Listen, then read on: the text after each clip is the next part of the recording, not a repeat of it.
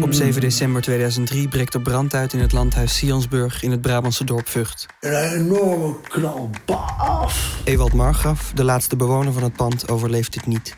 Markov is gevonden vlak achter de voordeur. Hij lag daar al voordat hij dood was, denk ik vaak.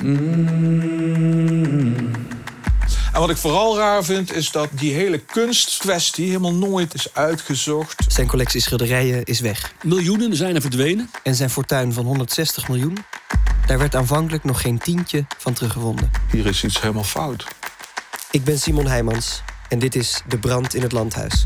Een podcast van Radio 1 en de NTR.